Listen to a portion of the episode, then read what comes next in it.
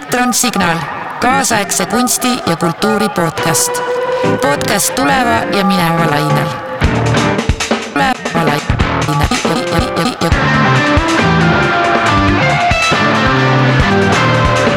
elektron, tervist, eetris on Elektronarti podcast, mina olen saatejuht Peeter Kormašov ja täna on meil külas arhitektuuriagentuuri asutaja ja EKA professor Toomas Tammis, tervist. tere. ja olen sind täna kutsunud siia selleks, et vestelda ühest raamatust, mis on ilmunud ja see on siis Lõpetamata linn ja Tallinna linnaehituslikud visioonid. kolmeaastane uurimisprojekt, mis siis äh, realiseerus raamatuna ja sel teemal oli ka näitus aasta esimeses pooles arhitektuurimuuseumis. palun räägi lähemalt, et miks selline projekt üldse tekkis ja mis, mis põhjustel see sündis? No see tekkelugu võib-olla on isegi päris pikk um,. EKA arhitektuuri ja linnaplaneerimise eriala, noh, on hõlmanud alati nagu linnaplaneerimise töid ka. ja, ja sellega on tegelenud põhiliselt Andres Alver, professor Andres Alver ja teinud juba noh, ma ei tea, üks vähemalt kümme aastat niisuguseid erinevaid projekte neljanda kursusega Eesti linnadest, väiksematest ja suurematest linnadest. ja, ja noh, erinevate teemade all nagu noh, töökohtade tagasitulek või, või kahanemine või, või noh, neid on õige, õige palju olnud. nii teemasid kui, kui linnasid. ja see on üks nagu taust, millele see nagu mingis mõttes põhineb. teine osa on see, et ähm, noh, niisugune noh, mõnevõrra nagu, nagu ootamatul kombel on, tekkis niisugune väga hea koostöö kapital kinnisvaraga, kelle noh, üks omanikest, Toomas Annus ja, ja Andres Alver siis sattusid mingil hetkel noh, tõsisemate diskussioonide juurde kus siis lõpuks jõuti selleni, et noh, et aga siis nüüd, kui te kogu aeg ütlete, et te siin teate ja oskate midagi teha, mida noh, tahaksime meie ka teada, siis noh, tehke siis. no ja umbes nii see vast nagu alguse saigi. see toetus nagu kinnisvaraettevõttelt oli märkimisväärselt suur, mis tõesti võimaldas meil kolm aastat tööd teha ja, ja see noh, see on selles mõttes nagu tore lugu, et kui ülikooli poole pöördutakse, siis on teistmoodi, kui pöördutakse arhitektuuribüroo poole, kellelt tellitakse midagi üsna konkreetset ja mõõdetavat ja, ja selgelt, mille kasutusaeg on ka nagu noh, pigem lähemas kui kaugemas tulevikus. ja kui ülikooli poole pöördutakse, siis noh, pigem otsitakse midagi mis ei ole nii selge veel, mis on natuke kaugemas tulevikus ja mida ei ole võimalik ette ära kirjeldada. ja, ja see on nagu väga-väga tore sellisel moel nagu tulevikku puurida ja uurida. mis muidugi ei saa toimuda ilma selleta, et me ei vaataks nagu noh, natuke või noh, vajalikul määral minevikku ja, ja ei kaardistaks olevikku nii intensiivselt, kui seda vähegi saab teha. aga noh, see on see üldisem taust et me oleme võib-olla ühiskonnana jõudnud sinnamaale ikkagi, kus noh, ka nagu noh, nii, nii äris kui, kui hariduses äh, nähakse niisuguse kaugema pilgu äh, tarvidust. et see ei ole enam kellelegi noh, ei huvitav ega piisav noh, teha niisuguseid aasta-kaheseid projekte ja, ja noh, siukseid kindla peale tulemusega. kui me näeme tegelikult, et linnaplaneerimine on väga pikaajaline protsess. see, et nagu krundi ostust jõutakse nagu valmis majani, kui seal on vahepeal nagu planeerimise etapp, see võib olla oma kümme aastat. ja selle aja jooksul võivad väga paljud asjad muutuda. et me peame nagu oskama näha kaugemale ja, ja ambitsioonikamalt praegu juba ja, ja selles osas on noh, niisugune ülikooli kaasamine mm, no väga mõistlik samm mm. -hmm. aga mis need noh, enne kui me tulevikku vaatame, mida see raamat tegelikult ka teeb üsna, üsna kaugele ja, ja väga huvitavasse. siis äh, mis võiksid olla need äh, hetke linnaplaneerimise ma ei tea, märksõnad, et mis, mis seisu me oleme praegu jõudnud, et seal eessõnas sa ütled ka, et enam nagu ei panda, eks ju, neid lihtsalt mingeid eramublokke kuskile tühermaale püsti ilma infrastruktuurita ja, ja kaubandus, suurte kaubanduskeskuste aeg võib-olla ka mingis mõttes hakkab läbi saama, aga, aga et, et mis need hetketendentsid on nagu? noh, ma arvan, et üks nagu kõige selgemini põletavamaid olukordi on, on nagu siuksed energia ja, ja kliimaküsimused, et ühtepidi energiat ei saa kogu aeg aina rohkem kasutada, pigem peab püüdma seda hoopiski palju vähem või optimaalsemalt kasutada. ja meie noh, niisugune süsinikuheide ei tohiks suureneda, vaid, vaid pigem väheneda, et niisugust noh, täielikku kliimakatastroofi vältida. ja sellel on nagu mitmeid niisuguseid noh, tagajärgi või, või tingimusi, et noh, üks võib-olla, üks selgemaid on võib-olla see, et et noh, vaatamata sellele, et me peame võimalikult palju loodust linnades alles jätma, et niisugust hapniku tootmist ja, ja muuhulgas ka vihmavete ära immutamist oleks, oleks võimalik, võimalikult nagu väheste mm, energiakuludega teha. et vaatamata sellele me peame vast ikkagi veel tihedamalt hakkama elama. mis tähendab, et me peame suutma luua keskkondi, kus me ei pea ilmtingimata autodega igapäevaselt edasi-tagasi kihutama ja ja me ei pea nagu noh, viima lapsi kooli, et me, nad saavad ise hakkama. et meie töökohad oleksid meile võimalikult lähedal seal, sellele, kus me elame. noh, minu meelest see on üsna drastiline näide, et Tallinna liiklus nagu koolivaheaegadel on päris okei okay kesklinnas on küll jah.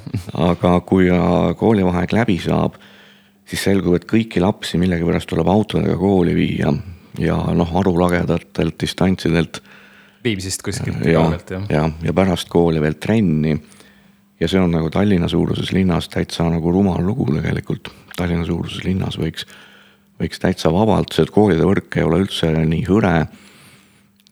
tõsi on, mõned koolid on võib-olla natuke paremad kui teised, aga, aga aga ma arvan, et ka see vahe võib-olla ühtlustub. et noh, alati on võimalik leida oma kodulähedane kool või kui see ei sobi, siis kolida selle kooli lähedale, mis on siis sobilik. ja, ja tegelikult noh, teha nii enda kui teiste elu palju lihtsamaks, ega siis see ei ole ju ka täiskasvanud inimese nagu, nagu unelm, et olla oma perele autojuhiks.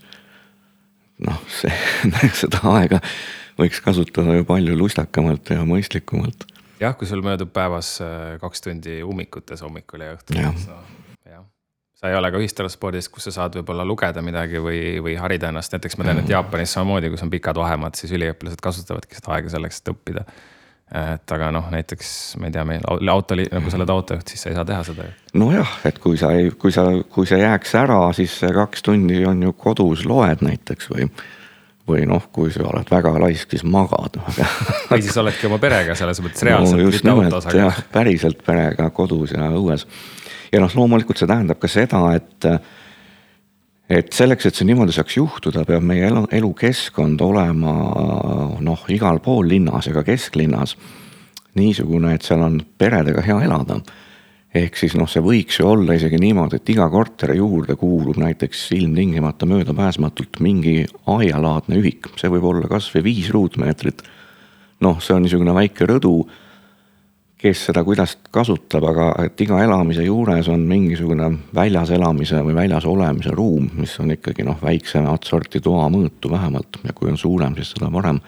ehk siis noh, ja lisaks sellele ka ikkagi väiksed õued nagu, nagu majade endi ümber et me peame nagu looma selle olukorda, et äh, inimesed, kes on saanud nagu oma esimese, teise, kolmanda lapse, ei näe nagu ainuvõimalikku toreda elamiskohana eramaja kuskil päris kaugel Tallinnast, sest et seal on aed ümber ja, ja lapsi on väga lihtne sinna saata. vaid et needsamad kvaliteedid peaksid olema võimalikult ka linna sees. siin peaks olema nagu mõistliku hinnaga suuremaid kortereid äh, saadaval ja siit me noh, omakorda jõuame noh, võib-olla mõnevõrra hella teemani on, on nagu ähm, noh, elamispinna hind, kas siis äh, ostes või, või rentides. ehk siis see, mis praegu olnud kogu aeg vabalt turul ja pidevalt tõusnud, on noh, ei ole nagu selle elukeskkonna rikkalikkuse ja kvaliteeti hoidmises, hoidmisel enam jätkusuutlik. Väga paljud linnad nagu Kopenhaagen või ka London on ikkagi läinud juba noh, vähemalt kümme aastat tagasi või võib-olla isegi enam seda teed, et äh, tegelikult seatakse arendajatele ka noh, niisugune eesmärk või, või noh, mingis mõttes piirang, et mingi osa arendusest peab jääma kas müügi või rendi hinnana nagu mingi piiri taha või alla. Ja, ja see noh, loomulikult nüüd tuleb suur äh, vihakõnevoor, et see on ju turu solkimine ja, ja nii ei tohi teha. aga noh, ka üliliberaalne London või, või noh, tõepoolest mitte nii liberaalne Kopenhaagen ja paljud muud linnad on seda teed läinud. ja see on alati alanud suure skandaaliga, kus on kõik needsamad argumendid üleval, et see on tulu solkimine ja, ja riik riik ja, või linn või ühesõnaga noh, mitte eraraha, avalik raha ei tohiks nagu turgu mõjutada. aga see on toonud lõpuks nagu paremad elukeskkonnad. ja näiteks Helsingi on hea näide siin raamatus, et palju suur osa linnamaast siis kuulub ka riigile vist või oli linnale? linnale, linnale, jah, põhiliselt jah ja, ja noh, samamoodi Kopenhaagenis, Stockholmis, Amsterdamis, Amsterdamis vist isegi kuni kaheksakümmend protsenti Äh, ja need isegi osad neist linnadest ka ostavad veel seda juurde. ja noh, see on üks positsioon linnal, kus on võimalik noh, olla tugevam pool läbirääkimistel, kui ta siiani Tallinn on olnud, noh Tallinnal on tõesti, äh, ei ole oma maad väga palju. ehk siis olukorras, kus linn saab nagu panustada maaga, ta, on tugevam nagu reegli, reeglistikku kehtestama. aga lõpuks isegi, kui see maaomand ei ole seesugune vaid on nii, nagu ta Tallinnas on, siis ikkagi see tähendab lõpuks nagu kokkuleppeid. kokkuleppeid nagu linna ja arendajatega sellisel viisil, et keegi ei kannataks.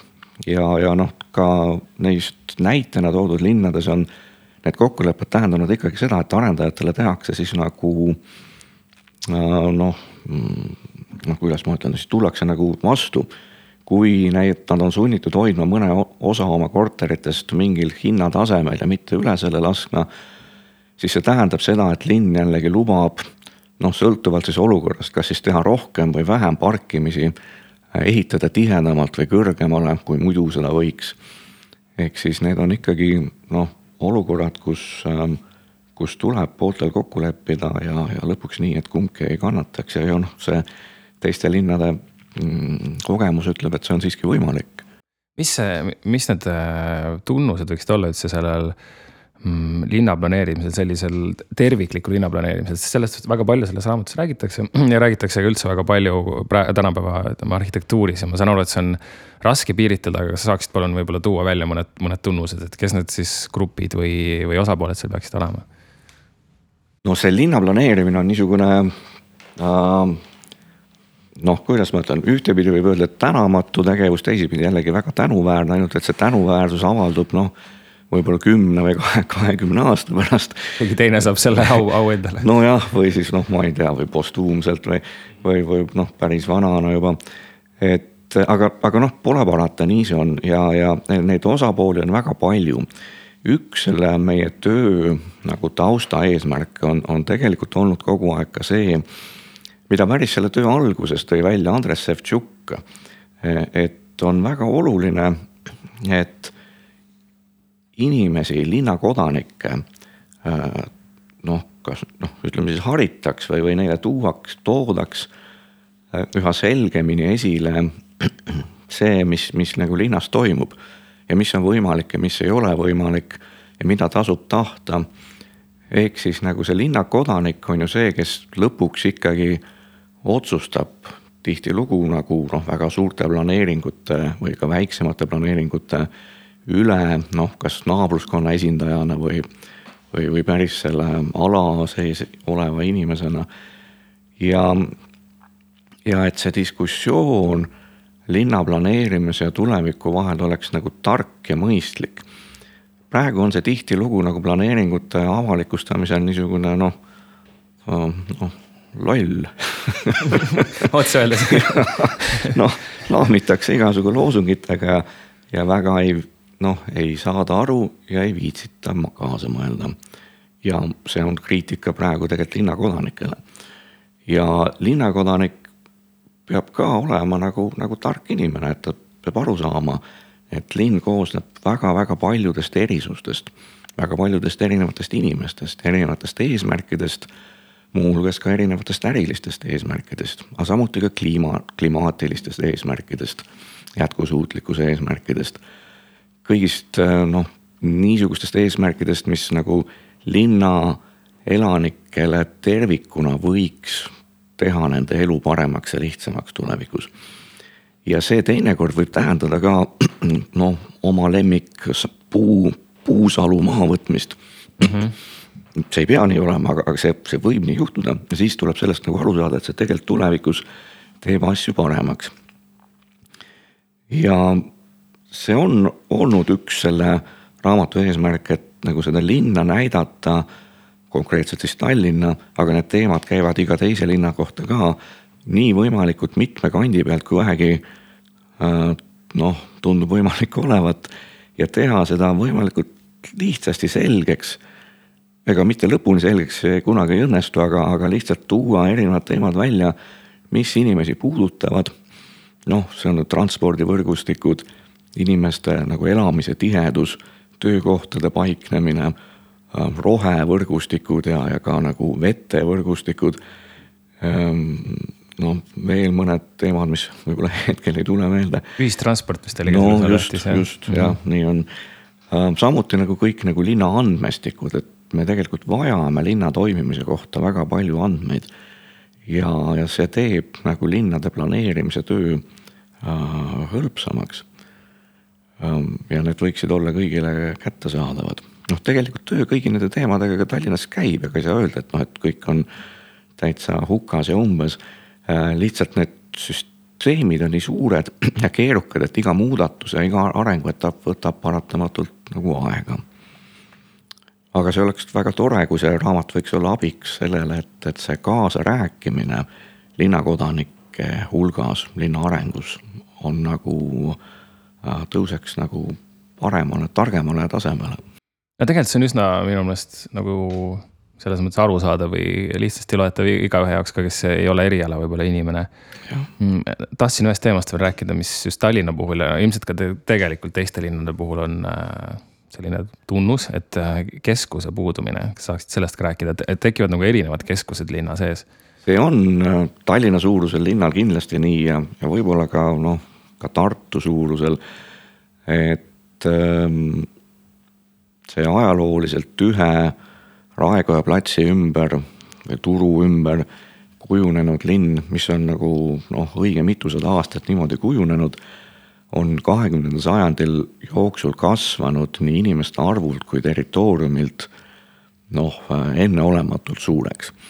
ja, ja nii suurel territooriumil, nii suure inimeste arvuga ei ole enam mõistlik ega võimalik asju korraldada nii, et äh, põhilised asjad on ühes punktis või noh, ühel väiksel territooriumil, selles vanas keskuses. ja kõik inimesed peaksid äh, noh, oma põhilistes asjaajamistes sealt kuidagi läbi käima. ja nii tekivad õige mitmed erinevad keskused. Need on noh, läbi nõukogude aja on ju planeeritud paneelelamurajoone ja nende niisuguseid mikrorajoonide keskusi, mis on sama näide. Need on olnud tegelikult minu meelest siiani tagasi vaadates nagu targalt tehtud, et, et nad on paneelelamurajoonide noh, nagu kui me vaatame Mustamäe mikrorajoone näiteks, noh Lasnamäel natuke samamoodi aga Mustamäe võib-olla on eriti selge näide, kus siis teede ääres on nagu vööpaneelelamuid. Nende keskel on autovaba tsoon, kus on siis abc tüüpi kauplus, kool, lasteaed ja võib-olla midagi veel, aga need kolm asja tavaliselt on. ja need on tegelikult nendele inimestele, kes seal nende asjade ümber elavad, ilma autota kättesaadavad, ehk siis noh, isegi vanema rühma laps võib ise lasteaeda minna, koolilastest rääkimata neid ei pea saatma, nad ei pea ühtegi autoteed ületama. ja samamoodi noh, nüüd selle ühe või kahe kilekotiga tulla kahesaja meetri kaugusele ilma autota on siiski ka täitsa okei okay, nagu, nagu toidu, toiduasju tuua. ja nüüd, kui asjad on edasi arenenud, need on natukene nagu välja surnud kahjuks, võib-olla nad ikkagi saab ja on mõistlik, kui mingil moel ellu äratada, need mikrorajoonide keskused. me oleme liikunud palju suurematesse keskustesse, mis nüüd on tõepoolest autokesksed, ehk siis nagu kõik inimesed linnas millegipärast eeldavad, et, et nad peavad saama autoga mingi väga suure maja juurde, hästi suurele parkimisplatsile sõita ja sealt siis osta spordirõivad, kodutehnika ja, ja toidumoona kõik korraga ära. ja ega see ei ole nüüd ka väga hea, et need niisugused suured keskused tegelikult suretavad oma ümbert enamuse linnaruumi või, või noh, niisugust muud ruumi välja, et, et seal ümber ei, ei jää ellu enam ükski väikepoodnik ega kohvik, nad kõik peavad olema selles suures keskuses või neid ei olegi olemas suures kaubakeskuses. ja võib-olla ka nende aeg hakkab ümber saama noh, Ameerikas ju on need suured kaubakeskused tihtilugu tühjaks jäänud või, või jäämas. ja, ja seal nende asemele nüüd võib-olla me näeme esimest korda nagu viimase kümne või viie aasta jooksul nagu väga suuri ähm, erakapitali arendusi, ehk siis ei arendata enam ühte-kahte maja, vaid ikkagi tervet elurajooni või asumit, mis on teinekord väikese linna mõõtu kas Noblessner või, või Baltika kvartal või Volta või Krull või terve Ülemiste City, mis ütleb, et tal juba praegu käib kas üksteist või kaksteist tuhat inimest päevas tööl. Väidetavalt Eesti kolmas majandus isegi. just, jah, ja ta, ta kasvab, kasvab edasi, ta on tegelikult ju alles arenemise algusjärgus. ja need nüüd igaüks tahab olla mingis mõttes omamoodi keskus. noh, nagu Telliskivist on kujunenud niisugune noh, söögi- ja joogikohtade keskus. noh, igaüks püüab endale seda keskuse rolli mingil moel nagu, nagu brändida. Ja ega see, noh, see on nüüd üks järgmine areng lihtsalt. ja ega sellest ka nüüd midagi halba ei ole, seal on võib-olla lihtsalt see oht, et, et nad kipuvad jääma nagu ühekülgseks, et nad on nagu ehitatud väga lühikese aja jooksul ja väga kindlale publikule või, või õigemini ostjaskonnale ja seeläbi nagu sihukeses üsna täpses hinnaklassis. et äh, noh, keskmise sissetulekuga inimesel Noblessnerist ei ole palju midagi osta. ja samal ajal minu meelest teine äärmus on niisugune pöörise elamurajoon seal Mustamäe ja Õismäe vahel, kus nagu inimesel, kes oma keskkonda oluliseks peab, ei ole jälle seal võimalik olla aga üks asi, mida siin raamatus oli ka välja toodud, oligi nende siis paneelelamurajoonide revitaliseerimine või noh, me teame, et tegelikult üks Tallinna või ka teiste linnade suuri probleeme on segregatsioon, et need. ere, see sissetulek jaotub ebaühtlaselt ja elanikkond äh, ka sellele vastavalt, et ähm, aga kuidas, äh, kuidas saaks neid äh, rajoone siis nagu kuidagi ellu äratada uuesti ja kuidas muuta seda rahvastiku jaotumist? ma arvan, et noh, üks pool on see millest me juba rääkisime, et neil uutel väga suurtel arendustel võiks olla mingisugune väikenegi protsent elamispindasid, mida, mis ei lähe kohe vabale turule nagu, nagu väga kalli hinnaga, et, et sinna saab ka, et sinna saavad tulla elama erineva sissetuleku tasemega inimesed. aga nendes praegustes paneelelamu piirkondades, noh, selle töö käigus me vaatasime täpsemalt Lasnamäed Äh, paneelelamu piirkondades on ju tihendamise ruumi tegelikult päris palju. Ja seal reeglina on ka linnamaad päris palju, ehk siis need paneelelamud ise on nagu erastamise ajal enamasti võtnud endale väga väikese krundi. ja, ja kõik muu on jäänud nagu linnamaaks. ja noh, Lasnamäel on ju veel niisugune juba kunagi ammu planeeritud niisugune rohekoridor, mis on nüüd hakanud nagu korrastuma väga toredate parkide näol, mis lõpp tegelikult ühendab Kadrioru pargi Pirita jõe ürgoruga. Ja selles servas on ju noh, meeletult tore elamise võimalus. ja teine külg on siis Punase tänava äärne ehk siis Punase tänava ja, ja Peterburi maantee vaheline kunagine tööstusala, ega seda tööstust sellisel moel eriti enam ei ole. seal on tegelikult võib-olla väga suur võimalus uut, laadi töökohtadeks ja ka elamiseks ja siis kolmas vöönd on veel Lasnamäe nagu merepoolne serv, mis on selle pankranniku serval, kus on nagu väga uhked vaated jällegi merele ja, ja, ja Tallinnale. ja seal sees veel palju väiksemaid kohti, ehk siis nagu Lasnamäe sees, aga ka teiste paneelamurajoonide sees on kohti, mida, mida väärtustada uuesti ja ikkagi veel edasi ehitada ja tihendada.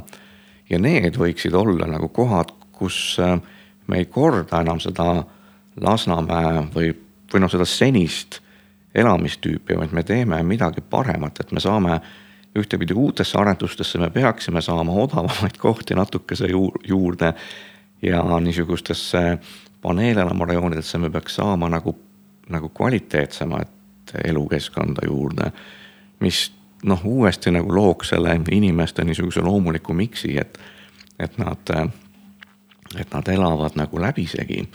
siin üks huvitav näide, me käisime tudengitega Berliinis vaatluspraktikal just ja me vaatasime muuhulgas ka neid üheksateistkümnenda sajandi teise poole noh, need, mida nimetatakse miitskasernideks mm. -hmm mis on siis, aga see on sama mudel, mis on tegelikult üle Euroopa kasutusel, et see on nagu mitu sisehoovi üksteise järjest, järjest tulevad. ja, ja see on hästi loomulik, et tänava ääres on kallimad elamispinnad ja mida kaugemale lähed, seda, seda noh, lihtsam ehitus ja odavam elu.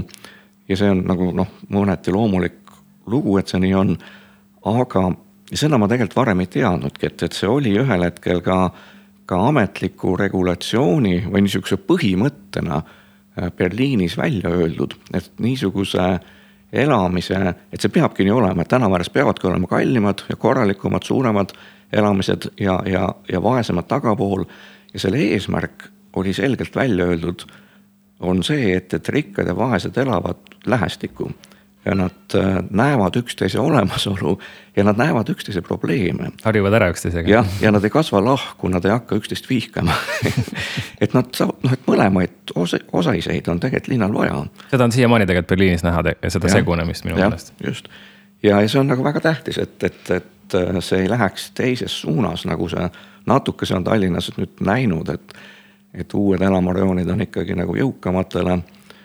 Äh, ja, ja siis noh, need paneelenamarajoonid kipuvad jääma nagu vaesematele. ega sellest ei ole ka pääsu, eks see mingil määral nii saab ka edaspidi olema, aga ta ei tohi olla nagu, nagu täiesti totaalne. Vaid seal peab olema ka erisusi ikkagi sees mingi väike selline liikumine on, ma tean ka Berliinis ja, ja ka teistes Ida-Euroopa linnades, kaasa arvatud Tallinnas, et, et paneelelamud on jällegi nii-öelda cool'id või siis hip, hipid, et sinna võib taga, tagasi kolida, et. mina usun küll, et see ühel hetkel muutub cool'iks, et nagu noh, nagu Kalamaja ju äh, Kalamajas ju väga palju hoonestust on olnud ikkagi nagu kõige vaesem töölisklassi elamu mudel, noh, üheksateistkümnenda sajandi lõpust, kahekümnenda sajandi algusest. ja ega seda pole nagu olnud lihtne mõelda, et kuidas see nüüd väga cool'iks peaks minema. ja noh, ta võib-olla otseselt niisuguse elamismudelina polegi läinud, aga see keskkond on siiski läinud cool'iks. ja, ja ega mina usun küll, et see paneelelamute keskkond muutub ka nagu oma, omaette popiks asjaks ühel hetkel. nojah, see üheksakümnendad on praegu noorte seas nii kuum teema, et see on mõnes mõttes loogiline jätk oleks, et, et, et see ka juhtub üks oluline asi, mida me oleme veel mitu korda juba puudutanud, aga sellest võiks ka veel rääkida, on just need rohealad, et, et ma saan aru, et nagu selles raamatus räägitakse, siis üks olulisi asju on kõikide selliste, ongi nagu vahealade ärakaotamine linnas ja siis ühendamine ja rohealad tunduvad üks nagu hea moodus selleks. jah, e-, ega nüüd ähm, noh, rohe, ühesõnaga see avalik ruum, mis ei ole kellegi oma, mis on linna oma, see muutub aina tähtsamaks, ma arvan, ehk siis see on see Äh, kus nagu linn saabki sekkuda, teha oma väga selged reeglid, kuidas käib väga erinevatel kiirustel ja erinevalt motoriseeritud transport. Äh, noh, jalakäijatest autodeni, aga seal vahepeal ei ole mitte ainult jalgrattad, vaid kõiksugu muud elektrilised ja, ja ilma elektrita nagu, nagu sõiduvahendid. Äh, ja kuidas see haljastus seal saab olla nii, et nagu rohelised võrgustikud ikkagi jätkuvad, et, et linnud, loomad ja putukad ei pea omaette saartel elama, vaid nad tegelikult saavad nagu ringi liikuda. Ähm, ja, ja see on, lõpuks on need alad need, mis ühendavad linna noh, niisuguseid erinevaid tükke, ega see on ka paratamatu, et ega linn ei ole nagu kunagi niisugune homogeenne, vaid need erisused jäävad sinna nagu tükkide või saartena sisse, aga on väga tähtis, et nad on nagu hästi ühendatud ja et inimene, kes nagu oma majast või oma sellest arendusest või oma saare, saarekesest välja astub, ei tunneks, et ta on nagu noh, keset maanteed või mingit kõledat äh, õudset kohta, vaid, vaid et ta tahaks sinna minna.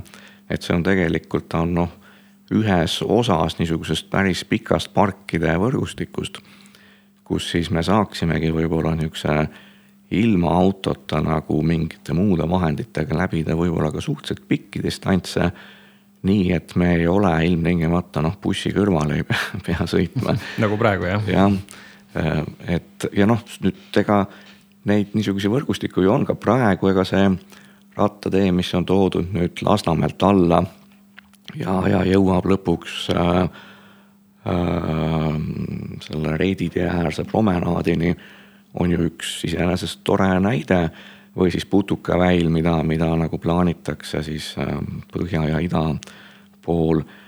Äh, noh, nendega kõigega käib kaasas ka muidugi tõdemus sellest, et kui me kuskil midagi korda teeme ja publikule atraktiivseks, see tähendab, et selle ümber noh, paratamatult tekib mingi gentrifikatsiooni surve, et nagu maad lähevad kallimaks, sellepärast et mingi toreda koha juures on lihtsalt toredam olla ja, ja väga paljud tahavad seal olla. see on hästi selline püsiv protsess on ju, jah, see gentrifikatsioon. ja, ja, ja noh, jällegi, ega seda ei saa nüüd nagu täitsa nulli keerata. paratamatult see natuke selle suunas natukene läheb, aga sellega peab lihtsalt arvestama. ja võib-olla ka annab seda noh, mingil moel kontrollida. et me jällegi noh et me korrastame linnaruumi mingites kohtades. et selle korrastamisega me peaksime lihtsalt vältima seda, et, et me muudame selle osadele inimestele nagu, nagu ligipääsetamatuks või kasutamatuks, et ta muutub nii kalliks, et noh, et keegi, osa inimestest, kes seal on harjunud olema, noh, ei leia, neid ei aeta sealt ära, aga noh, nad ei leia enam ühtegi põhjust ega, ega viisi ise seal olemiseks. noh, võib-olla nagu see noh, Balti jaama turg on mõnes mõttes võib-olla sihuke püüdlik näide olnud, kes vähemalt on öelnud, et ta püüab jätta need kaupmehed ka alles, kes seal ennem kauplesid. noh, see päris nii vist ei ole läinud. aga, aga see eesmärk on vähemalt üllalt välja öeldud, et eh, noh, seegi suur, suur samm. ja noh, mingil määral ikkagi nagu üsna erinevaid kaupmehi seal on. Eh, mis on ju ka nagu, nagu ikkagi päris, päris tore ja noh, võib vast olekski olnud võimatu nagu kogu seda äh, varasemalt Balti jaama tulu äh, kaupmeeskonda ja ostjaskonda päris samal moel üle kanda. eks seal alati on mingisuguseid kadusid, aga noh, on hästi tähtis, et, et kõik osapooled, kes on seotud niisuguste arengutega, saavad aru äh, nende arengute nagu võimalikest kaasnähtudest ja eks ole näha, mis keskturuga saab, kui see nüüd ka niimoodi korda tehakse. kokkuvõttes ikkagi, kui seda ruumi luuakse, siis ma saan aru, et eh, noh, kui ükskõik mis arhitektiga arutleda sel teemal, siis eh, või inimestele, kes linnaplaneerimisega on seotud, siis mulle paistab, et et kuigi me mõtleme võib-olla mingist sellisest futulinnast ja mõtleme iseliikuvatest sõidukitest, siis tegelikult on see tulevikulinn, noh, vähemalt minu visioonis ka üsna selline pigem roheline ja, ja selline just inimestele mõeldud. mina arvan ka, et see on, ega see tehnoloogia ju areneb omasoodu ja küllap tuleb igasugu toredaid asju veel juurde. aga tegelikult see põhieesmärk on ikka see, et inimestel oleks tore olla. ja, ja see tähendab seda, et, et inimene äh, tähendab, see inimese ja masina või inimese ja tehnoloogia vaheline suhe on, on, on läbimõeldud ja disainitud ja tehtud nagu mõistlikuks ja pehmeks. noh, see tähendab, et me kõik nagu suudame üsna valutult äh, võtta uue telefoni kasutusele. Äh, aga me samamoodi peaksime üsna valutult saama nagu äh, noh, liikuda kõigis linnapiirkondades ja uutes arendustes ja ka vanades et me noh, tunneme ennast seal alati nagu oodatuna ja kodus. ja see, see tähendab nagu autoga juurdepääsu kõrval ka kõigi muude vahenditega juurdepääsu ja nagu väga head ühendavust nagu parkide või, või, või roheliste aladega äh,. muuhulgas seda, et, et vihma, paduvihmaveed ei, ei jääks kuskile asfaltplatsile nagu suurde lompi, vaid need on võimalik juhtida ära mingitele aladele, kus nad siis ise tasapisi valguvad või imbuvad maapinda. ja noh, ja, ja kogu selle asja juures siis on ka, ka kõik teised liigid äh, seal olemas, et me ikkagi elame nagu noh, niisuguses äh, noh, enam-vähem terviklikus või terves toimivas ökosüsteemis ja me saame aru, et me oleme üks osa sellest üks väga huvitav, äh, sa rääkisid just sellest, kuidas see vihmavett kogutakse, oli siin Tallinn Wet City, et kuidas ongi see maastik kogub vett, et see, see, see tundus väga selline ja põnev ja futuristlik äh, visioon. et äh, aga mis, ma saan aru, et üks, üks asi veel, mida just nagu need tudengid, kes olid siia uurimusse kaasatud, tõid välja, et võib-olla noorem põlvkond ootabki rohkem sellist avalikku ruumi ja vähem on nagu selliseid kindla funktsiooniga maju, et kas saaksid seda mõtet ka palun selgitada? jah, noh, see on mõnevõrra või see on võib-olla nagu põlvkondlik, et noorte elu on, on tihtilugu ikkagi rohkem suunatud kodust välja kui, kui vanematel põlvkondadel, ma arvan, et see võib-olla väga palju ei muutu ilmselt küll jah. kui need noored saavad vanemaks, nad ei jaksa ka enam nii palju väljas käia aga, aga noh, teisipidi see on see on väga oluline, et kui me läheme kodust välja avalikku ruumi, et me tunneksime, et ühtepidi me oleme seal oodatud, et meil on seal mugav olla. ja teisipidi, et me isegi noh, tunneme nagu noh, me oleme natukene, suudame olla uhked oma keskkonna üle, et see on äge, et see on, et Tallinnal on äge olla, et siin on, siin on äge keskkond. ja, ja, ja sellel on siis omad põhjused, mida me siis oskame ka välja tuua, et mille pärast see äge on, et, et kusagil meil on väga tore istuda või või, või süüa või linnulaulu kuulata või jalutada või, või rattaga sõita või et mere äärde on lihtne minna või, või, või sadamasse laeval on lihtne minna või isegi lennukil on suhteliselt lihtne minna. E, et see avalik ruum on kõigile vanusegruppidele tähtis. ja nüüd teisipidi noh, need äh, ruumid, mida me siis ehitame majadesse, need tõepoolest ega ei ole pääsu, et eks need peavad võimaldama üsna suuri muutusi. noh, nagu ka perekond või inimese elu jooksul ju tema nagu ruumivajadus äh, muutub üsna palju äh,. ja noh, samamoodi on ka kontoritega, et noh, me praegu, praegu näeme niisugusi noh, ülikiireid arenguid, kus, kus mõned niisugused äh, väga kiirelt tõusvad ettevõtted noh, vajavad nagu noh, ütleme iga aasta tuhat ruutmeetrit juurde.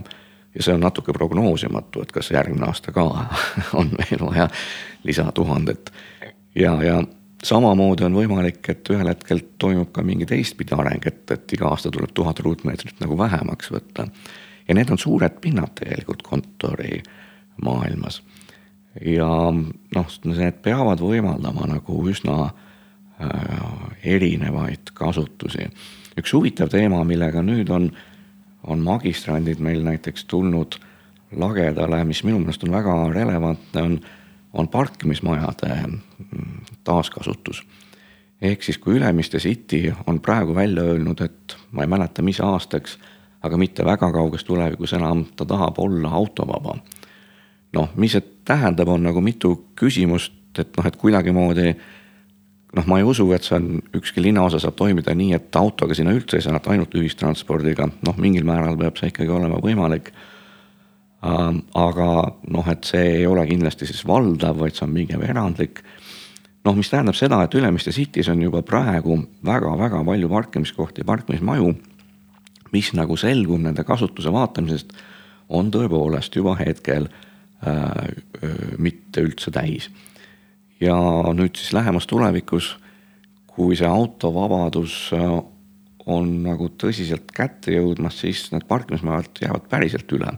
ja ma arvan, et see sama juhtub ka Tallinna kesklinnas, kus neid parkimismaju on päris palju tehtud. ja kus ma usun, et see autokeskus ikkagi üha väheneb. siis me peame vaatama, et mis nendega teha, need on ju suured majad betoonist reeglina taluvad koormust päris võimsalt. Ähm, noh, nende korruse kõrgus on suhteliselt napp, aga see ei ole ka midagi võimatut.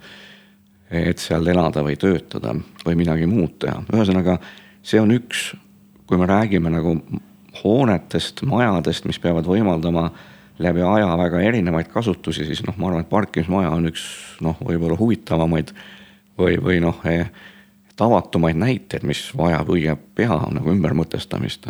taaskasutus, nii nagu tehastesse tulid klubid ja restoranid, et siis sinna võib tulla mis iganes. jah, ja noh, neid ju justkui lammutada, selles mõttes ei oleks mingit mõtet, et äh, noh, niisuguse süsiniku jalajälje suhtes on ju alati etemas positsioonis see maja, mis on juba tehtud.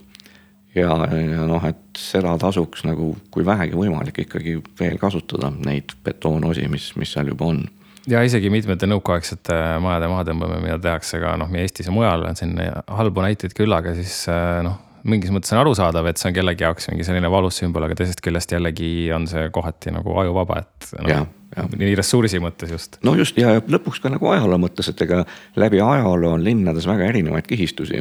ja see, mis nüüd noh, võib-olla kohe üldse ei meeldi natuke aega, see noh, nagu nende paneelelamu-rajoonide või kalamajaga, et see sellele järgnevale põlvkonnale võib tunduda nagu hoopis uus ja huvitav äh, avastus. ja see nagu erinevate ajalooliste kihistuste olemasolu linnas on ikkagi ka tähtis, et neid ei pea nagu ära kustutama jah, võib-olla veel saate lõpetuseks räägime mingitest konkreetsetest näidetest, et äh, siin olid äh, mõned päris põnevad asjad, näiteks oli nutilinna ko- koridor ja peatänav ja siis on veel selline, oli selline trammiringtee siis, mis läheb, noh, millest on ka räägitud tegelikult, et mis läheb sinna siis sadamaalale. et mis need võiksid olla Tallinnas sellised, ütleme, reaalsed, reaalsed äh, ehitusprojektid, mis saavad võib-olla kümne-kahekümne aasta jooksul, kas siis teoks või vähemalt hoo sisse? ega seda on ju väga tänamatu ennustada, aga ma arvan küll, et, et see ühistranspordi korraldus, mis ei ole enam niisugune ähm, noh, kiirte kesklinna toomine, vaid ka ümber kesklinna õige mitme ringi tegemine ja, ja ka siis äh, noh, erinevate noh, linnaservade omavaheline ühendamine ilma kesklinna läbimata on, on väga tähtis ja ja ma arvan küll, et see Tallinna niisugune ringtramm, noh, ütleme liivalaia põhine ja tegelikult ta saab ka siis teiselt poolt äh, linna läbi sõitma panna, oleks äh, üks väga hea lahendus äh,. noh, üks teine lahendus, mis tuli võib-olla kõige rohkem esile äh, ka Tallinna visiooniga tegelenud äh, Andres Alver ja Douglas Gordoni töös oli ka noh, niisuguse tänavate ümbermõtestamine, et mis Helsingis juba nagu käib, et meil ei ole niisugusi nelja või viie või kuuerealisi magistraale kesklinnas, vaid see maksimum on pulvar. ja see tähendab, et kui meil on isegi kusagil hädavajalik kaks pluss kaks rida, siis seal vahel ja seal külgedel on ikkagi puud ja, ja noh, erinevate muude vahendite liiklemiseks äh, rajad et see, tähendab linnas ei pea saama liiga noh, väga kiirelt sõita.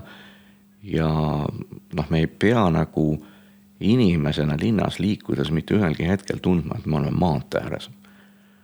nagu me praegu kahjuks tunneme, kasvõi seesama Liivalaia tänav. nii on jah, jah, jah, või noh, Narva maantee kuskil hetkel läheb kõigi oma pöörderadadega sealsamas kohtudes Pronksi tänavaga vist ma ei tea, kas viie või kuuerealiseks et see on nagu absurd, et noh, tegelikult minu meelest neli on totaalne maksimum ja üldiselt peaks saama hakkama nagu üks rida ühes, teine teises suunas.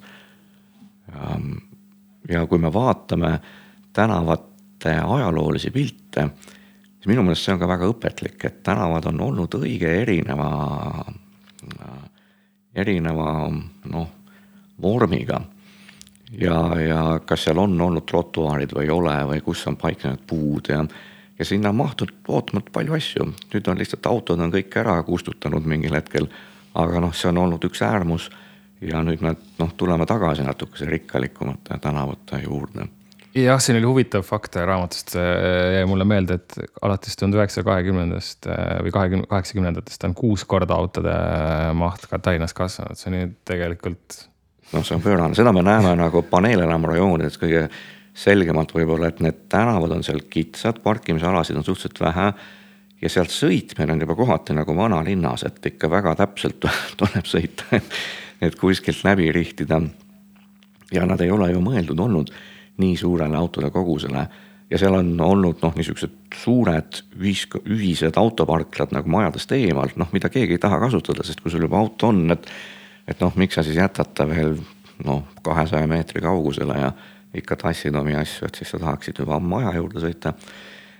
Et noh, need kõik asjad saaksid ju niisuguse ühistranspordile ümber orienteerudes jällegi nagu uue nagu mõtte või vormi saada jah, mina näiteks noh, ongi värske lubade omanikuna ütleksin, et äh, autoga on selles mõttes tüütu, et sa pead leidma parkimiskoha ja sa pead kogu aeg nagu ette planeerima, samas kui ratta selga sa lihtsalt hüppad ja kui sul on hea rattatee, sa lihtsalt.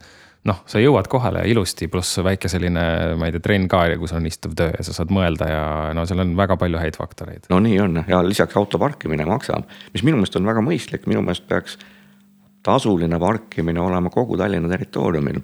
see tähendaks seda, et äh, noh, me, me alati mõtleme enne, kui me, kui me noh, auto ostame või, või selle kuskile jätame.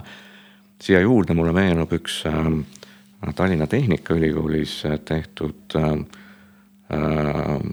tudengitöö, mis uuris äh,, see oli Taago Antov juhendusel tehtud töö, mis uuris äh, parkimisalade kasutust vist Mustamäel ja nüüd ma jällegi õigeid numbreid enam ei mäleta, aga see oli ootamatult suur kogus autosid, mis seisis seal kogu aeg, mis ei liikunudki paigast.